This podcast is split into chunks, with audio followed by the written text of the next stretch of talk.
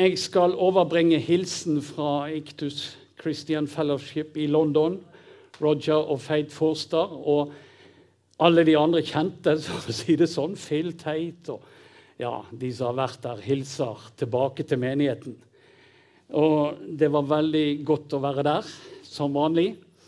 Det er en veldig herlig, eh, et veldig herlig fellesskap å være en del av og herlig lovsang og fantastisk forkynnelse osv. Og det er jo for meg som var, vi som var der i tre år, så er det jo alltid spesielt godt. fordi at det er en hel del masse kjente som vi møter. Jeg fikk en trist nyhet når jeg kom bort der. Og det var, Jeg hadde tenkt og planlagt å besøke en av de eldste innenfor fellesskapet. Violet Moon. Hun eh, var 99. Men tirsdagen i samme uke døde hun. Så sånn er det. Det var en fantastisk bønnedame. Fantastisk eh, menneske. Så sånn er det. Hun har vært trofast i, i Iktus-fellesskapet helt fra starten av. Eh, han som var kalt inn uh, utenifra for å tale, het Stu Glassborough. Et spesielt navn. Stu Glassborough. Han tilhører noe som heter Catch the Fire de eh, kommer opprinnelig fra Toronto, Canada, og den eh, linken der, og har startet en menighet i, i London. Og han, eh, han, var flott å høre på.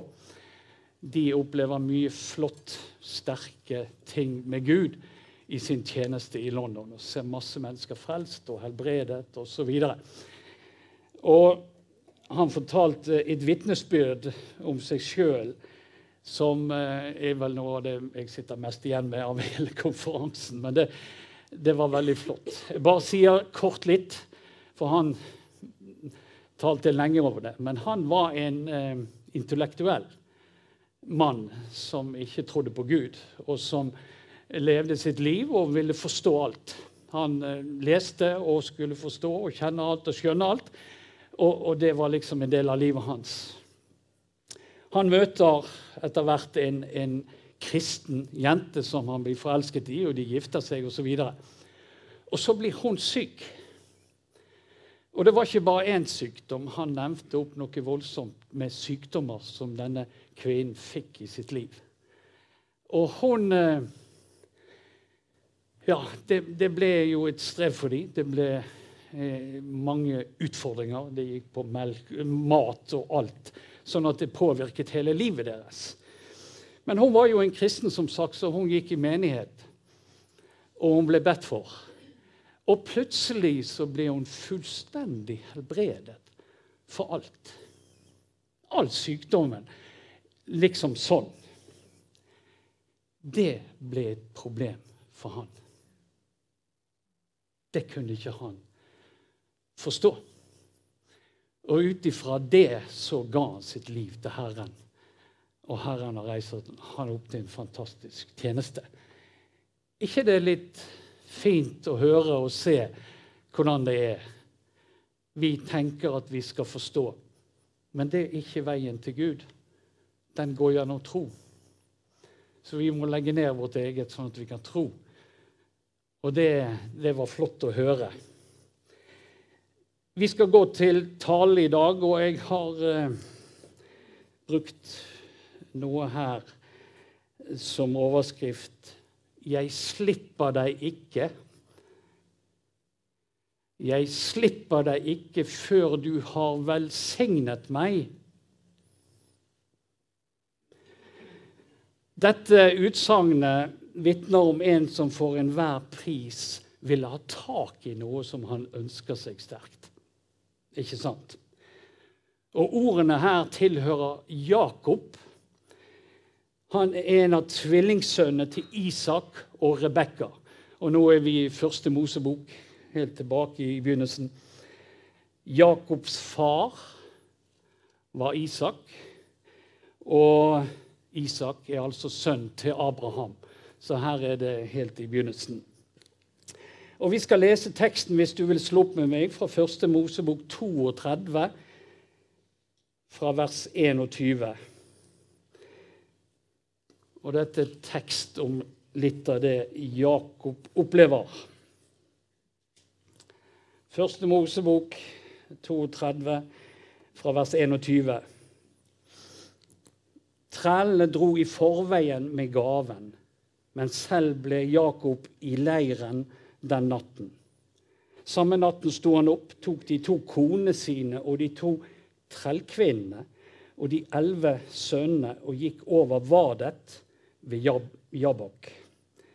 Han satte dem over elven, og alt det han eide, førte han også over. Altså, Jakob er her på, på vei. Han er egentlig på flukt fra Laban, sin svigerfar. og på, på, Så flykter han, og han flykter egentlig i retning mot Esau, der han er. Og, og, Vi kommer litt tilbake til dette, her, men, men, det er det som skjer. Og så ser vi han eh, setter i stand ting. Han arrangerer ting her. Jakob var nå alene tilbake. Da kom det en mann og kjempet med ham helt til det grydde av dag. Da mannen så at han ikke kunne vinne over Jakob, gav han ham et slag over hoften så den gikk av ledd mens de kjempet. Og han sa, 'Slipp meg, for morgenen gryr.' Men Jakob svarte, 'Jeg slipper deg ikke uten at du velsigner meg.' Hva heter du? spurte mannen. Jakob, svarte han. Da sa mannen, du skal ikke lenger hete Jakob, men Israel skal være ditt navn. For du har kjempet med Gud og mennesker og vunnet. Da ba Jakob, 'Kjære, si meg navnet ditt.' Han svarte, 'Hvorfor spør du etter navnet mitt?' Så velsignet han ham der. Jakob opplevde to spesielle åpenbaringer i sitt liv. Denne kampen som vi her har lest om. Også den drømmen han hadde, der han ser en stie som strekker seg like inn i himmelen. Og han ser engler som vandrer ned og opp på denne stien. Og der i drømmen, når han drømmer det, så står Herren framfor han, og så sier han, 'Jeg er Herren, din far Abrahams Gud, Isaks Gud.' 'Det landet du ligger i, vil jeg gi deg og din ett.' 'Din ett skal bli som støvet på jorden.' Du skal bre deg ut mot øst og mot vest, mot nord og mot sør. Og i deg og din ett skal alle slekter på jorden velsignes. Se, jeg vil være med deg og bevare deg hvor du går, og føre deg tilbake til dette landet. For jeg skal ikke forlate deg, men gjøre det jeg har lovt deg. Og hvis du husker og kjenner din bibel, så vet du at det var til Abraham altså Jakobs bestefar, Gud først ga dette løftet. Det er omtrent ganske likt i, i, ordlyden her. At han skulle bli et stort folk, og gjennom denne slekten skulle Gud velsigne alle slekter på jorden. Og det peker fram mot Jesus og hans fødsel og frelsen, som alle får del i. Så ga altså Gud det samme løftet til Isak, sønnen, og så her for Jakob det samme. Jakob er altså en av patriarkene i Israel. Eller stamfedrene, som vi òg kan si. Jakobs oppvekst var ikke nødvendigvis fredfullt. Han var eh, nemlig en litt spesiell kar, i, i, hvis vi kan si det sånn. Han var en av de som tok seg til seg både av andres rettigheter og andres eiendeler. Navnet Jakob, Jakob betyr 'han som holder i hælen'. Jakob tok tak i, i Esau, sin eldste tvillingbror, i, under fødselen og holdt tak i ham. Og vi, Videre så leser vi at Jakob han lurte til til seg førstefødselretten fra Esau, fra sin bror. Og ved hjelp av moren litt senere så stjeler han farens velsignelse. Esau og Jakob skiltes som uvenner. Og senere så lurte han til seg de beste dyrene fra sin svigerfar, Labans buskap. Så det var litt av en kar, denne Jakob. Men hør nå. Uansett så var Gud som hadde utvalgt ham. Til å rett og slett bli stamfar til alle Israels tolv stammer. Guds folk. Så Gud beskyttet Jakob og sørget for også at hans bror Esau ble vennligsinnet overfor ham. Og de endte opp som venner igjen. Gud, han utvelger den han vil. Ikke nødvendigvis de med plettfri vandel. Og dette går igjen i Bibelen. Dette ser vi om igjen og om igjen. Vi kan bare se og studere Jesu ettertavle, hvem som ligger i den slekten.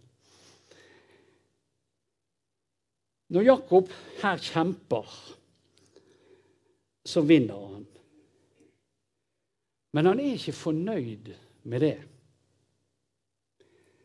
Han strekker seg etter mer. Han vil velsignes. Vi kan lære noe av Jakobs liv. Og vi ser at Jakob får Guds velsignelse, og han får det nye navnet osv. Ja, vi skal forlate Jakob, men historien om Jakob, som dette er hentet fra, kan du lese fra eh, kapitlene 25 til 35 i første Mosebok hvis du kommer hjem. Det er litt flott å lese det når du kommer hjem. Og så er spørsmålet hva kan vi lære av dette her? Og hvordan er det med oss i dag? Strekker vi oss etter mer av Gud? Vil vi ha mer av Gud? Søker vi velsignelse fra Gud?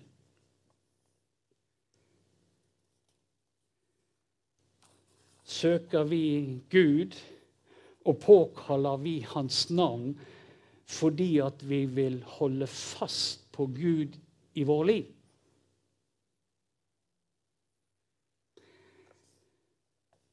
Eller er det blitt som på Jesajas tid? Jesaja, profeten, beskriver en tid der Guds folk hadde beveget seg bort fra Gud. De klarte seg sjøl, tydeligvis, helt til fienden kommer imot dem.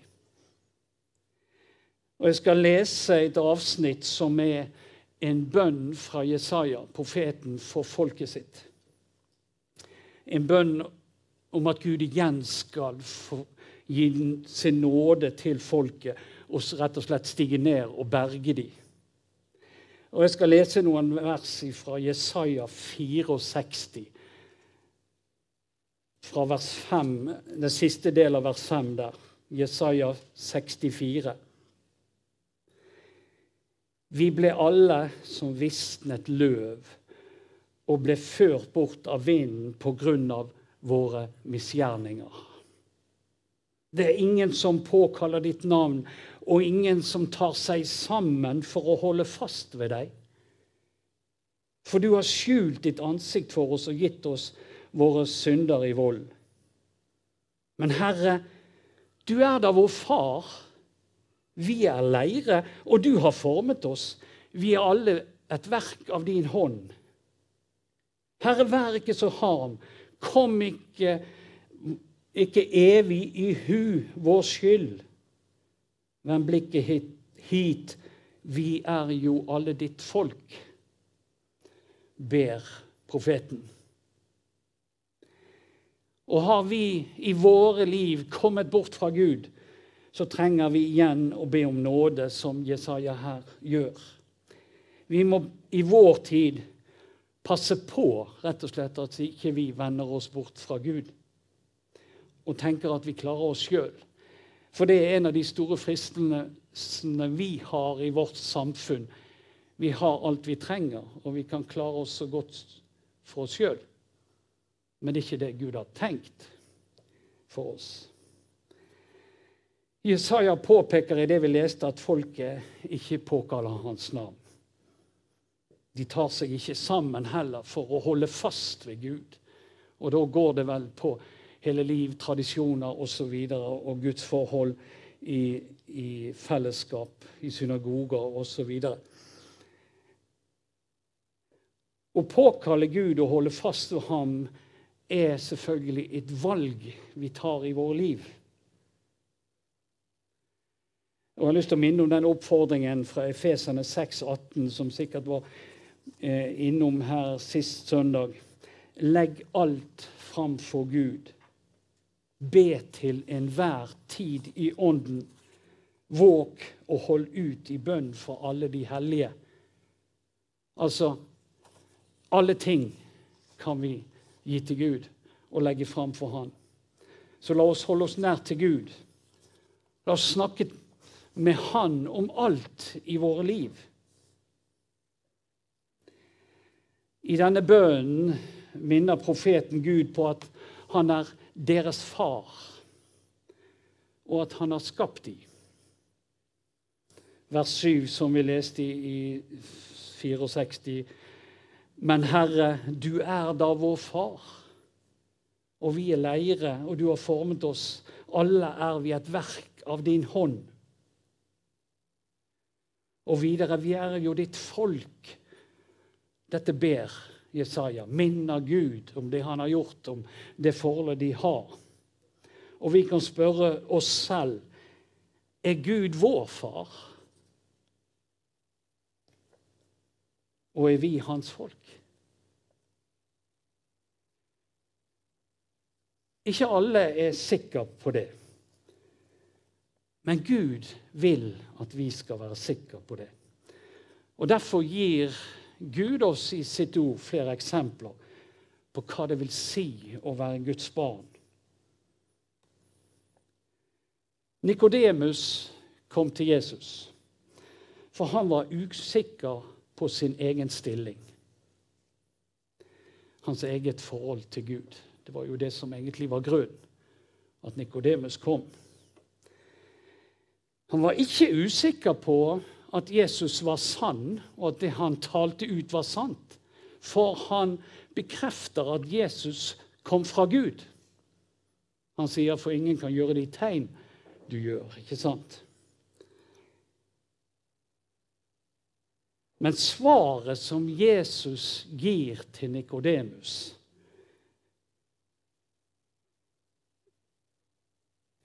er viktig.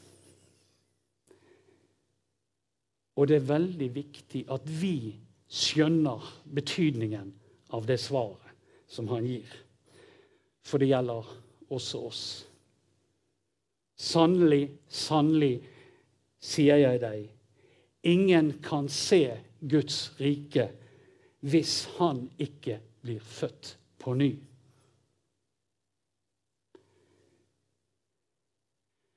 Jesus går rett til kjernen. Han kjenner Nikodemus sitt hjerte. Det vet vi. Jesus ser mer enn det vi ser i et menneske. Jesus går rett inn til kjernen og sier hva som er viktig for Nikodemus å få tak i. Og Når Jesus bruker 'sannelig', 'sannelig' to ganger, så har vi lært og vi vet at det er viktig. Da understreker han viktigheten av det han kommer til å si. Så sannheten er at vi alle trenger å bli født på ny. Og om du ikke har gitt ditt liv til Gud, så benytt anledningen her og nå. Det som skal til, er en bønn til Herren. Jesaja fortsetter i sin bønn til Gud i vers 8 i eh, kapittel 64. Herre, vær ikke harm. Kom ikke evig i hu vår skyld. Tenker du på ting i ditt liv som helst skulle vært ugjort i ditt liv, så kan du be som Jesaja her gjør. I Jesu beretning om den fortapte sønn kjenner vi stort sett til, de fleste av oss. Sønnen som fikk arven, og som sløste den bort, dro langt av gårde. Men denne sønnen han visste at han hadde en far der hjemme, og at han var sønn. Og Han kom til seg sjøl, og han innså at han, ikke kunne, nei, innså at han vil, ville kunne ha det bedre hjemme, selv om han bare var en tjener der hjemme. Og han tok sjansen og dro hjemover og ble møtt av en tilgivende far som bare elsket han og ga han full oppreisning. Har du og jeg en slik far i himmelen? En som kan gi tilgivelse og oppreisning? Ja, det er en sånn far vi har i himmelen. Og Jesajas bønn på vegne av folket så får vi et svar fra Gud i kapittel 65, fra vers 16 der. Den som søker velsignelse her i landet, skal velsigne seg ved den trofaste Gud. Og den som avlegger, avlegger ed her i landet, skal sverge ved den trofaste Gud. For nå er fortidens trengsler glemt, ja, skjult for mine øyne. Se, jeg skaper en ny himmel og en ny jord. Ingen skal minnes det som var. Ingen skal tenke på det mer. Det som hører fortiden til, er glemt. Gud har tilgitt det, han har tatt det bort, og det er skjult for Han. Ikke det fantastisk? Tilgivelse og nåde får vi når vi ber om det.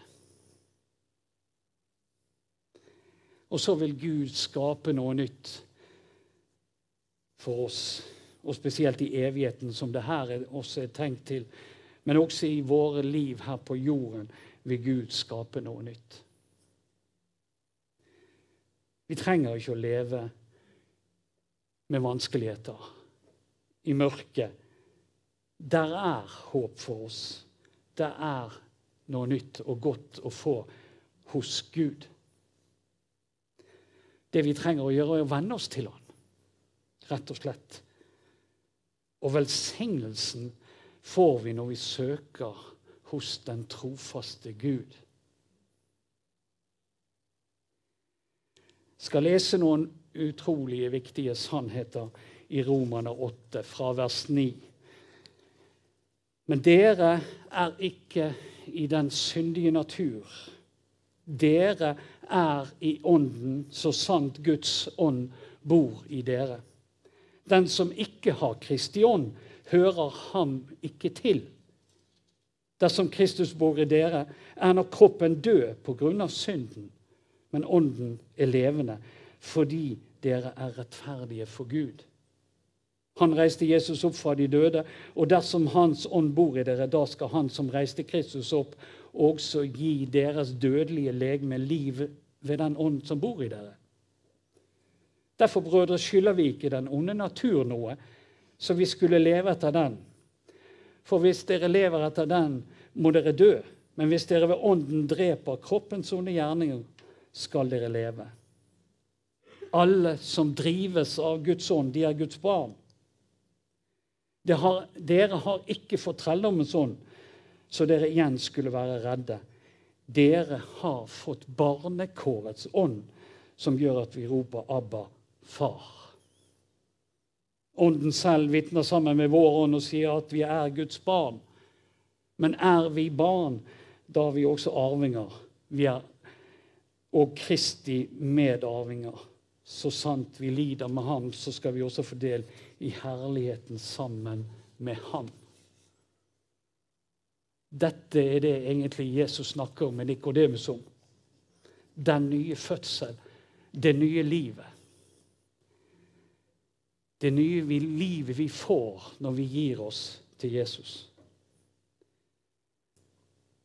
Når vi bestemmer oss for å leve etter Hans ord og ikke vårt eget ego eller vår egen natur. Og her får vi høre at Den hellige ånd sammen med vår ånd vitner for oss og sier at vi er Guds barn. Så er vi altså barn av den høyestes Gud. Det er ikke noe mindre. Og er vi barn, så har vi rettigheter. Vi arver med Jesus, og vi får del i herligheten. Gud han aksepterer oss sånn som vi er. Og vi blir rettferdiggjort gjennom det Jesus gjorde for oss på korset. Vi får en ny identitet som barn av Gud, som er vår far.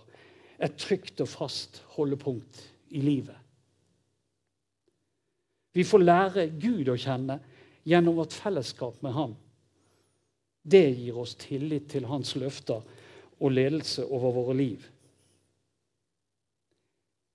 Det nye livet han har for oss, gir oss et mål, en hensikt, en mening med våre liv.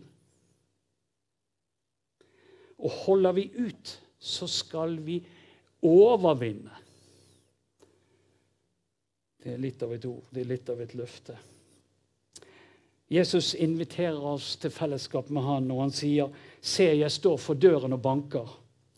Om noen hører min røst og åpner døren, da vil jeg gå inn til ham og holde måltid, jeg med han og han med meg. Den som seirer, ham vil jeg, vil jeg la sitte sammen med meg på min fars trone. Liksom jeg selv har seiret og satt meg med min far på hans trone. Ikke det flotte løfter og utsikter vi har foran oss. Jakob han er en som ville ha mer ut av livet. Og han strakk seg etter det han kunne få. Og Oppfordringen i dag er å strekke seg etter det Gud har for oss.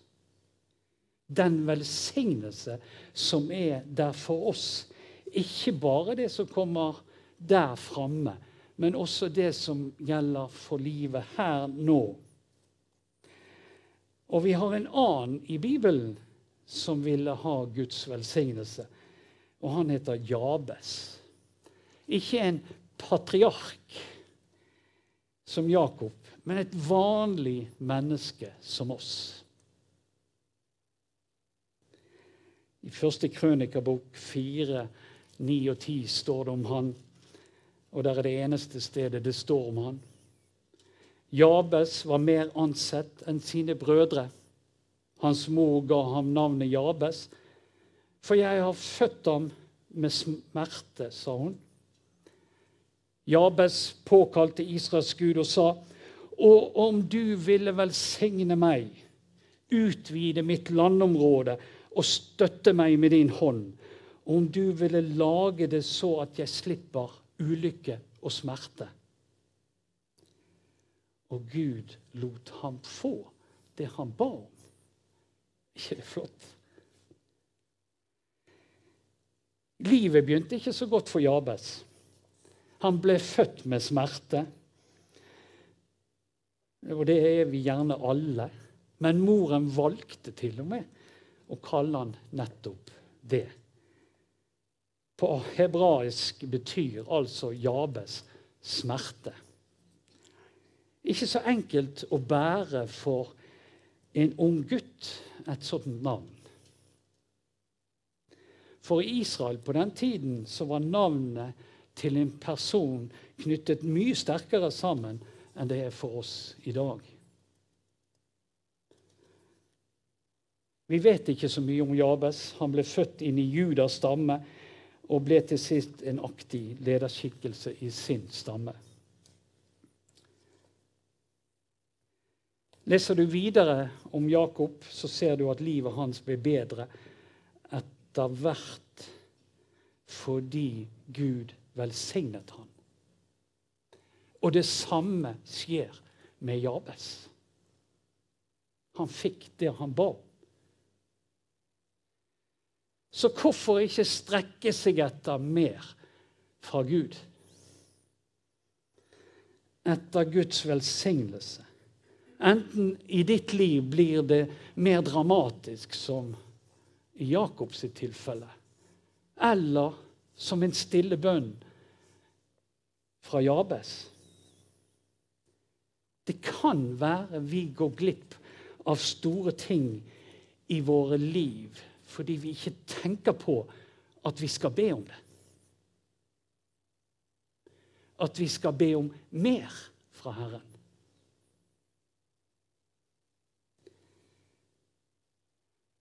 Jeg tror og vet at Gud har mer for oss. Og det gjelder for oss å få tak i det. For vi er barn av en Gud som ønsker å gi. Det har vi masse løfter av. Og vår far, han er den allmektige himmelens og jordens skaper. Intet mindre. Han elsker oss og vil det beste for oss. Så la oss strekke oss etter mer. Ikke være fornøyd med det vi har i dag, det vi ser i dag, men hente mer fra Herren. Takk, Herre, for at du gir. Og du er en Gud som vil gi. Og vi får lov å se i ditt ord hvordan du gir. Og Herre, Reis opp iblant oss noen som strekker seg. Og jeg ber om at du kaller oss alle til å strekke oss etter mer fra deg.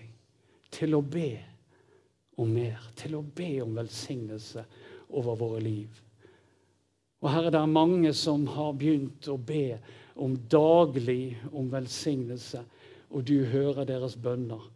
Og Herre, la oss få gjøre det samme. La oss få daglig komme fram for deg vende oss til deg, søke vår trygghet og vår identitet og vårt holdepunkt i deg, og be om at du tar oss videre, for du har mer å gi oss. Ja, vi priser og ærer deg for at du er her, og vi lover ditt hellige navn at vi får være dine barn. Og du tar, oss, tar imot oss akkurat sånn som vi er.